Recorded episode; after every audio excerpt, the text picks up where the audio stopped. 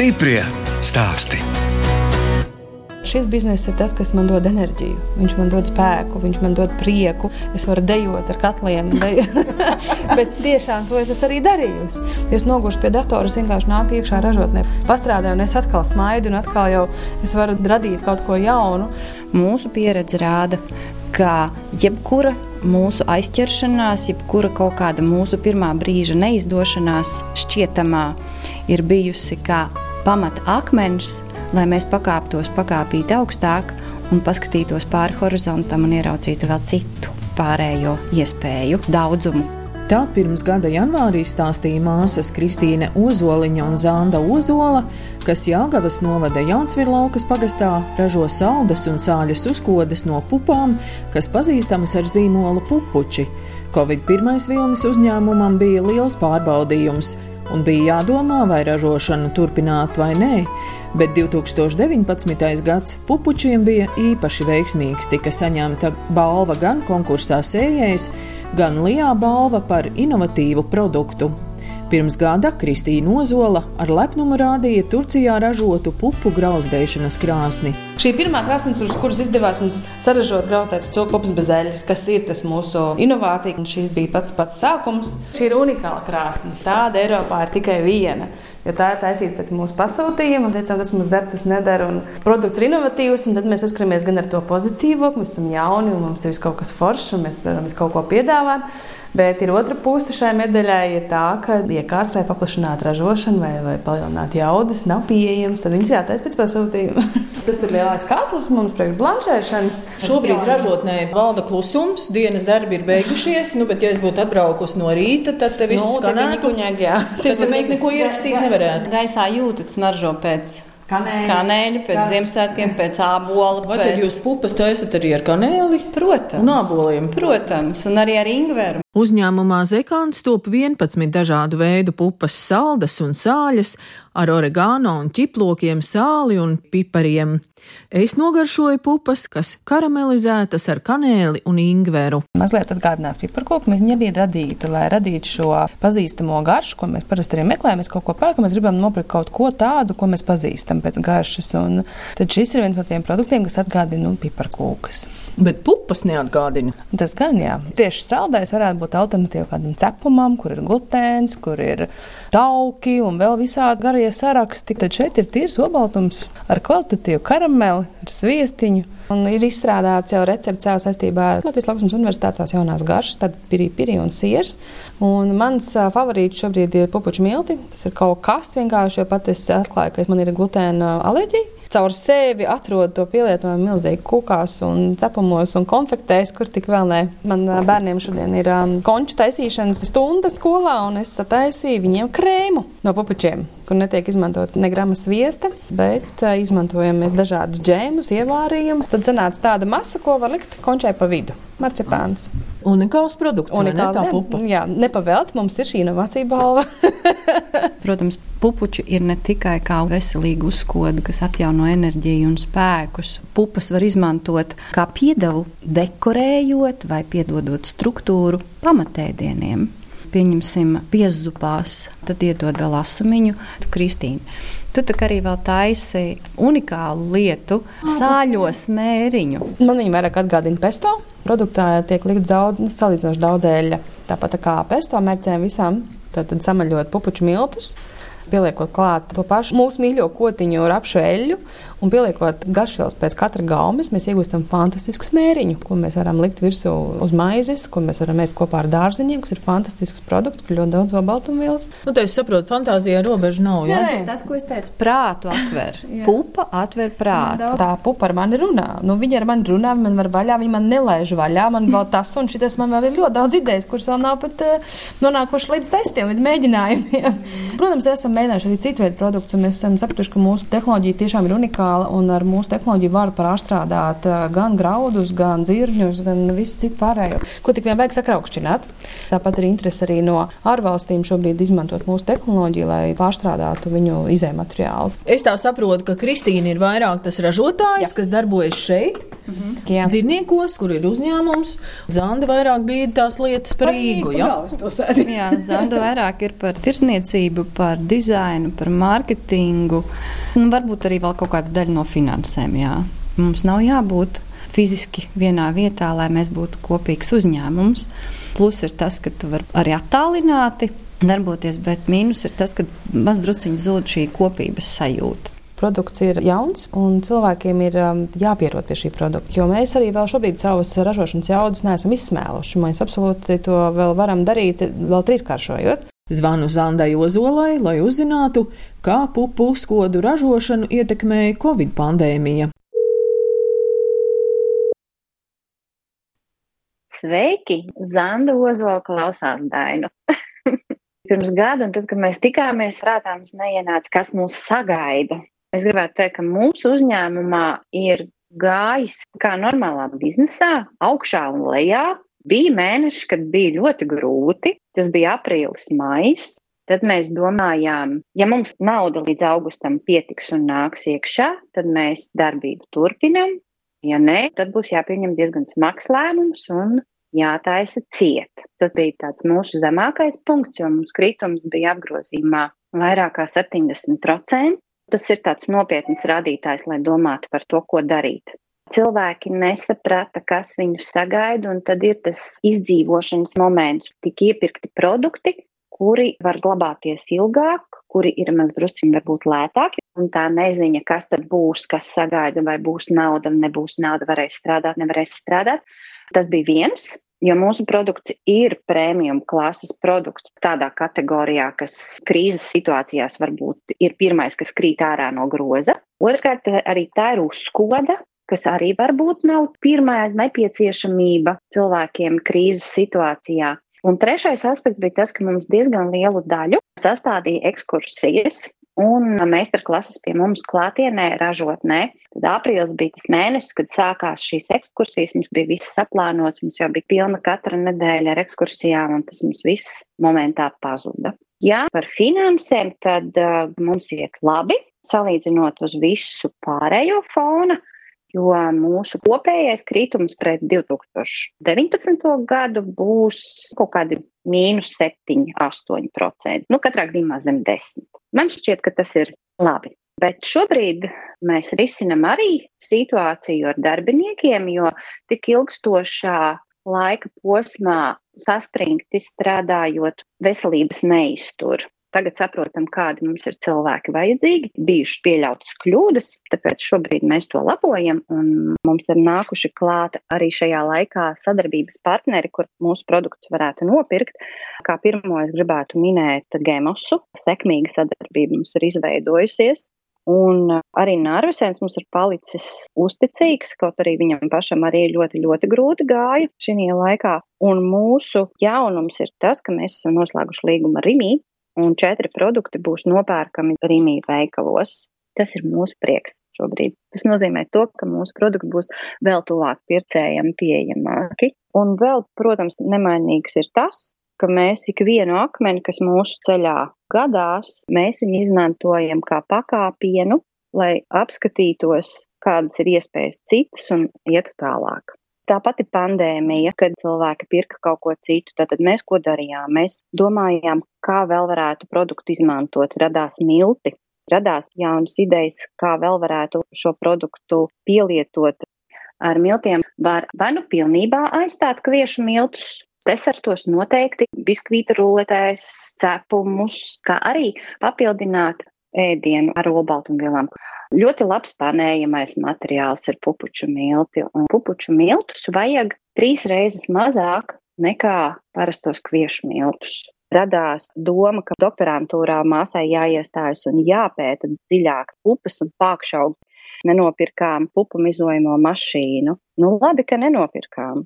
Mums ir partneris Latvijā, kurš mizo, un viņam ir pietiekami lielas jaudas, lai tāda iekārta būtu viena Latvijā. Vai arī, pieņemsim, projektā neesam paspējušas pieteikties. Un beigās izrādās labi, ka nepieteicāmies, jo iekārta bija pavisam cita vajadzīga pirkt. Tanī laikā mēs pilnveidojām tehnoloģiju, un tehnoloģija pagriezās pavisam cita. Tā es varētu daudz vēl minēt. un tas viss nekavē mūs attīstīties, doties tālāk un nepārdzīvot ļoti, jo pēc kaut kāda laiciņa mēs redzam, ka tas ir bijis mums par labu, nevis par sliktu. Tas, kas mums arī brīdī liekas liels pārdzīvojums. Uzņēmums vairākus gadus piedalījās starptautiskās izstādēs, lai uzsāktu eksportu, un tas ir arī izdevies. Novembrī mums aizgāja pirmā eksporta krāva, tagad mums tūlīt būs nākošā.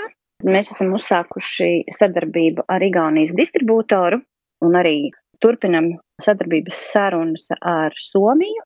Tur mums iet mums drusciņi lēnāk, bet viss ir procesā. Šobrīd mēs strādājam pie jaunumiem, tad šogad mums būs tā saldā līnija. Četriem, pieciem produktiem produkti ir, bet šobrīd viņi tādi izsvaidīti pa dažādām vietām. Tagad mēs tā smuki saliksim viņus kopā vienā plauktā, tā lai var redzēt, kādi pupuču saldie ir pieejami, un tas būs mūsu šī gada jaunums. Nu, protams, mēs turpinam pie bioproduktiem. Mēs meklējam biopupu, visu darām, lai arī mūsu produkts būtu bio, jo tas būs svarīgi tad, kad mēs dosimies uz Vāciju, Holandi, Dāniju, Zviedriju. Tanīs valstīs mums tur vajadzēs tieši šāda veida produktu. Vaicāju, kur Zanda Ozola rod spēku Covid laikā. Covid laiks tas ir tas, kas ir um, apgrūtinājis mūsu ikdienu, bet tāpat laikā komandas ziņā viņš mūs ir satuvinājis, jo arī līdz šim mēs strādājām attālināti. Mans darbs vairāk bija no Rīgas un citur, kur pārdošana ir vajadzīga, un Kristīna strādā ar savu komandu ražotnē. Tad šobrīd mums ir tā, ka mēs tiekamies katru pirmdienu, visa komanda kopā Un tas dod tādu mums mūžumu un kopības stipru sajūtu. Kristīnai divas nedēļas viņa mums bija karantīnas izolācijā, jo viņa bija kontaktpersona. Tad parādījās mūsu komandas gars, un darbs neapstājās, darbs notika. Un tas radīja tādu jā, pārliecību par to, ka mēs esam stipri, mēs varam un izdarīsim vienmēr darāmo. Un es vēl komandai šorīt no rīta jau apjautājos, kas ir tas, kas viņus spēcina. Tieši to viņi arī norādīja, ka saliedētība iknedēļas tikšanās aplī, jo tur mēs izrunājam ne tikai mūsu profesionālās lietas, bet mēs sākam ar to, aprunājamies, kā mēs katrs jūtamies, kas mums ir svarīgs, kas ir noticis, vai kā varam palīdzēt viens otram ne tikai profesionāli, bet arī personīgi, cilvēcīgi. Es personīgi savu enerģiju atjaunoju cenšoties ikdienā vingrot. Šobrīd es strādāju no laukiem. Mums ir dīķis, un mēs no pagājušā gada marta ar vīru abi divi katru rītu ejam uz dīķi. Nu, šobrīd uz ālīņu. Un tas iedod tādu nu, neaprakstāmu spēku, enerģijas atjaunošanos, stiprina imunitāti, protams, arī, bet kopīgums arī, nu, tad mēs pārunājam, kā tad bija šorīt, tajos rītos, kad ir kaut kā noslinkots un nav aiziet uz to dīķi, tad tā diena tāda neizdevusies, tāda pelēcīga, bez enerģijas, bet tur mēs rodam par to arī. Protams, ik sestdienas pēc rituāls, ir mums neatņemama sastāvdaļa. Distanču slēpošana tik, tikko varēja sākt slēpot, un mēs jau braucām uz smilteni, braucām uz Vanagu kalnu, vēl tad, kad sniegs bija tik tikko. mēs esam jau šobrīd izstaigājuši taku, takas šeit gājusi Nacionālā parkā mums visapkārt, un tā mūsu aizrautība iet pārgājienos nekur nav zudusi, lai arī pietrūkst, protams, izbraukt ārpusē, kaut kur paskatīties, bet mums ir kā kompensācija tas, ko mēs esam ieraudzījuši tādas vietas, vispār nezināju, ka ir. Mums ir arī draugi. Tajā laikā, kad varēja kopā iet, un mēs gājām kopīgi, tiek jau izstrādāti, jau gatavi maršruti, jau arī ir skaisti, kad ir jau nomarķēts.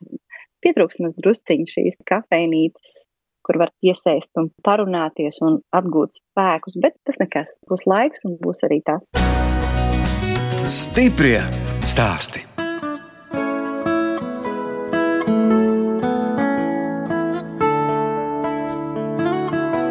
Jūs klausāties raidījumu stipri stāstī, bet tagad dosimies pie saimniekiem, kas vērtē, ka aizvadītā vasara bijusi labākā viņu turismu uzņēmuma laba daba pastāvēšanas vēsturē.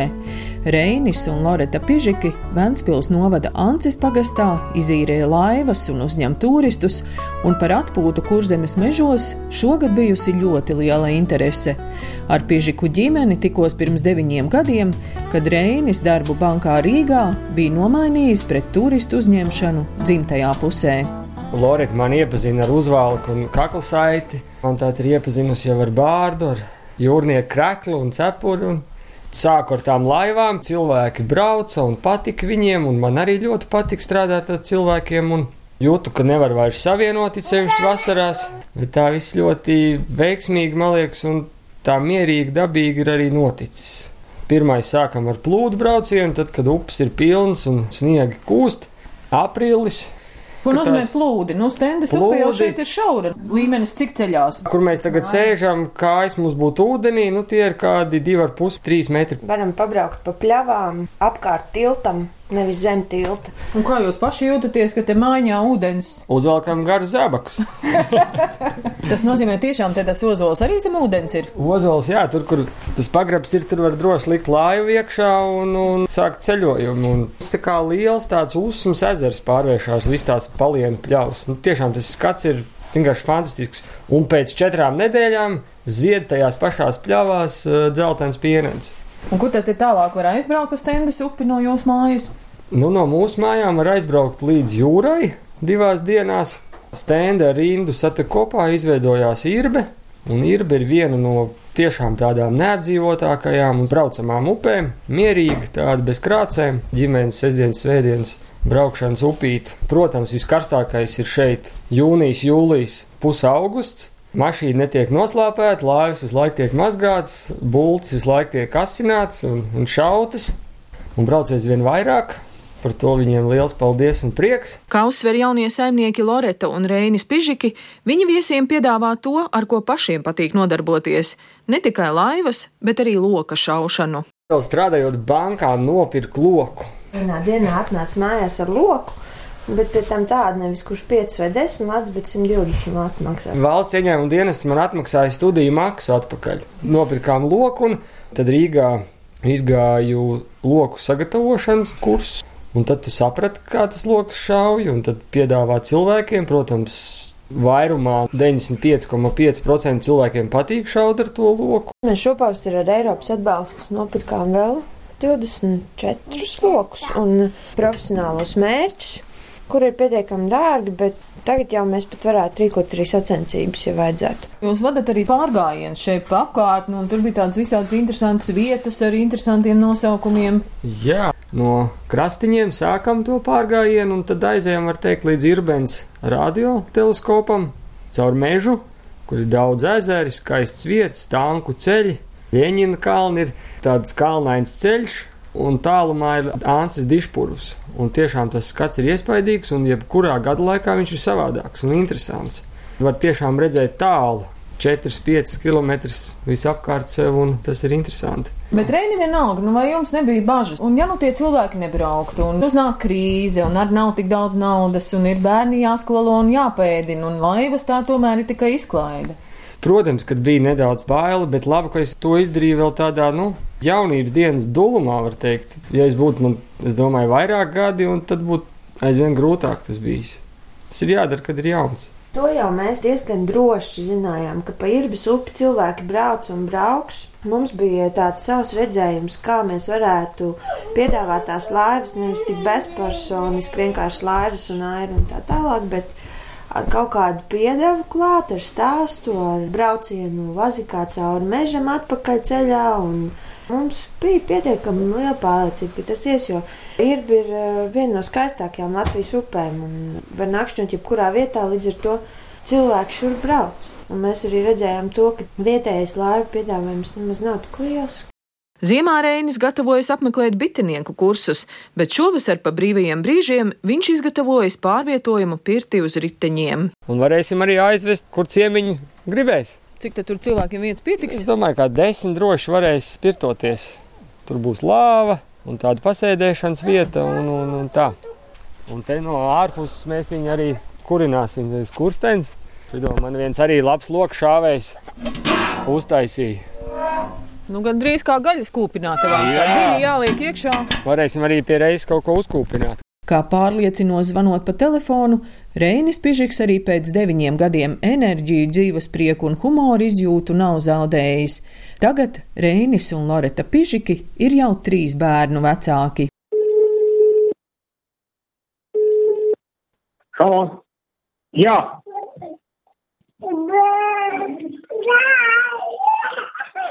Tātad Renārs 11 gadi jau, vēl drusciņi klausa. Elzai ir 7 gadi, riktīgi vēl klausa.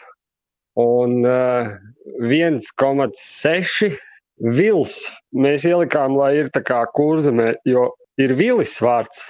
Bet normāli kurzemē neviens nesaka, ka ies pie viļa dzert tēju, bet ies pie vīla. Un tam mēs uzreiz ielikām vils, nu, lai bez tās galotnes. Un tas vispār neklausa. Iet tā kā traks. Toreiz jūs man teicāt, laivas vai nevajag vairāk, un es teicu, ka jo paliks vairāk bērni, jo būs vairāk laivas, un tā arī tas ir. Tagad vēl ir divi bērni nākuši klāt, un arī laivu skaits ir audzes lielāks.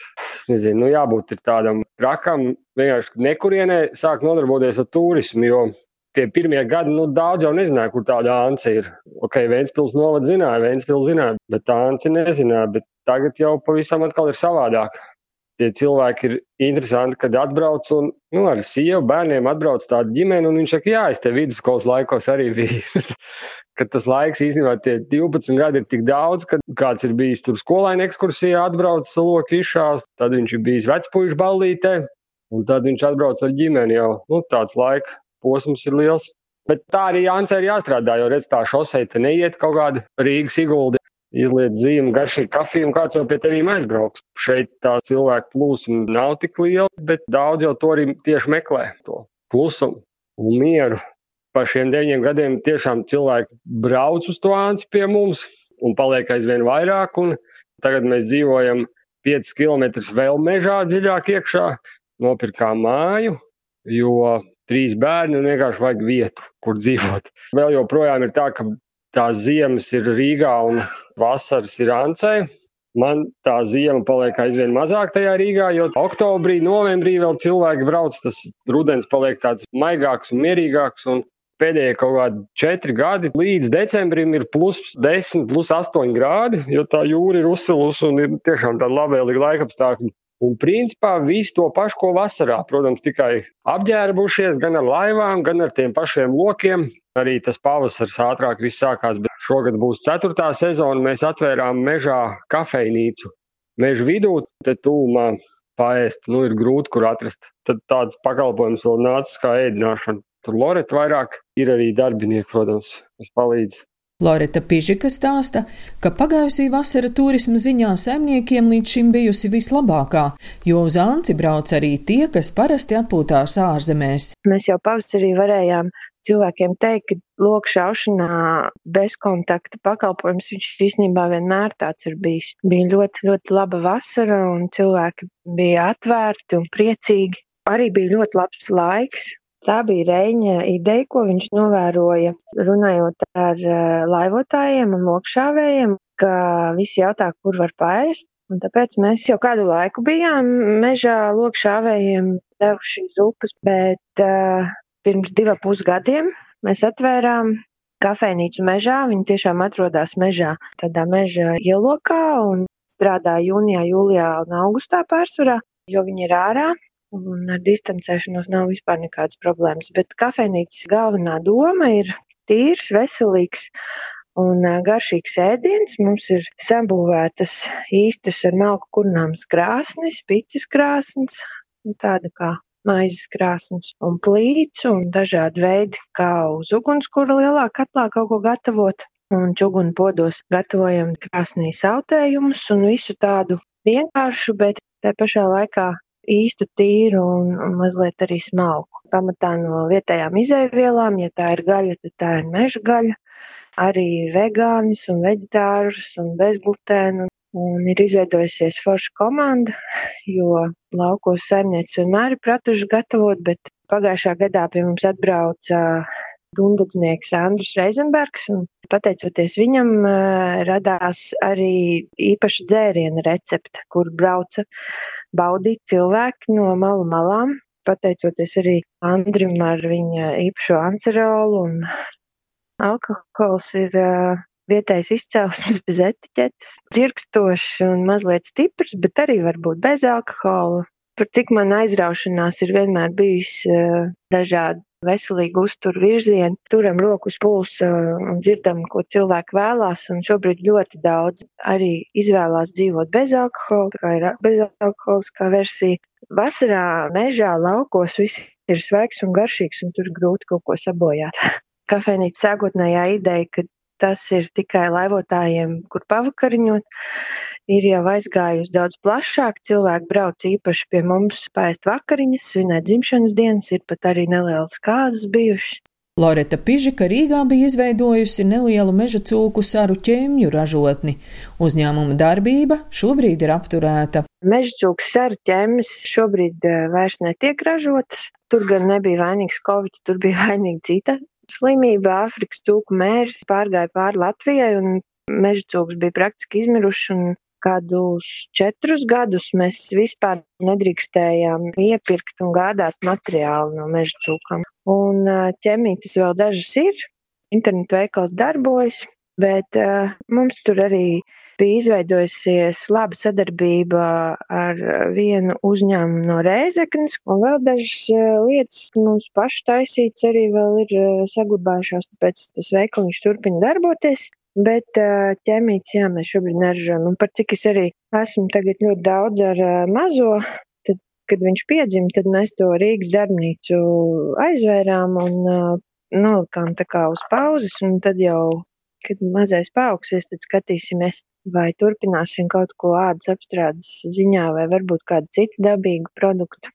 Šobrīd ļoti aktīvi ar to kafejnīcu darbojamies, tāpēc nekādas skumjas par to nav, vienkārši tāda lietišķi lēmumi, kur brīžiem ir jāpieņem, lai kopējais tas vilciens varētu kustēties uz priekšu.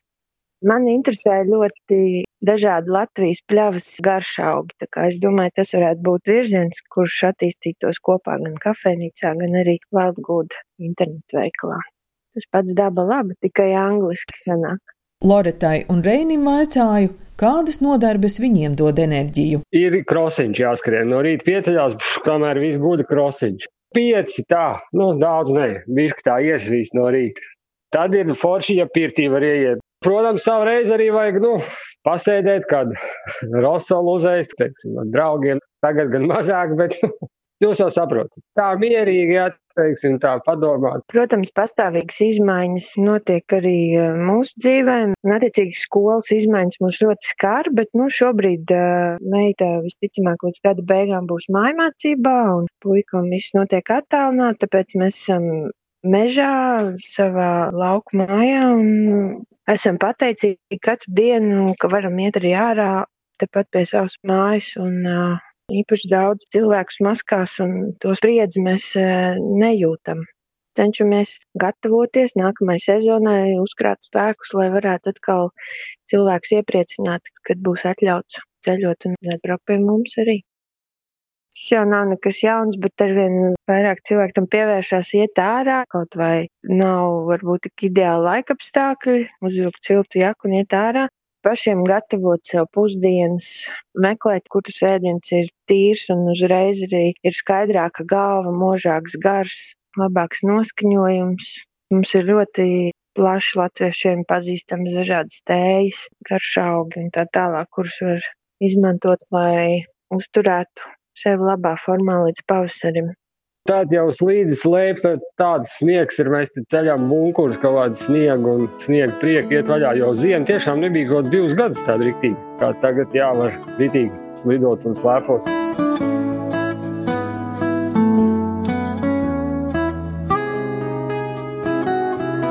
Radījums stipri stāst izskan, un es atvados no Loretas un Rēņa pižikiem, kas Ventspils novada Ancis pagastā izveidojuši uzņēmumu Daba Laba un uzņem turistus, un no Zandas Ozolas, kas kopā ar māsu Kristīnu Ozoliņu Jelgavas novada Jaunsvirlaukas pagastā no pupām ražo saldas un sāļas uzkodas, kas pazīstamas ar zīmolu pupuči.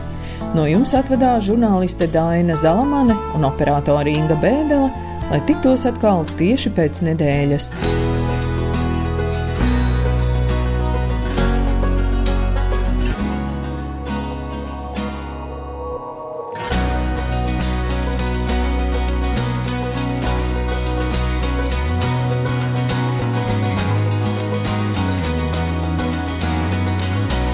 Stiprie stāsti.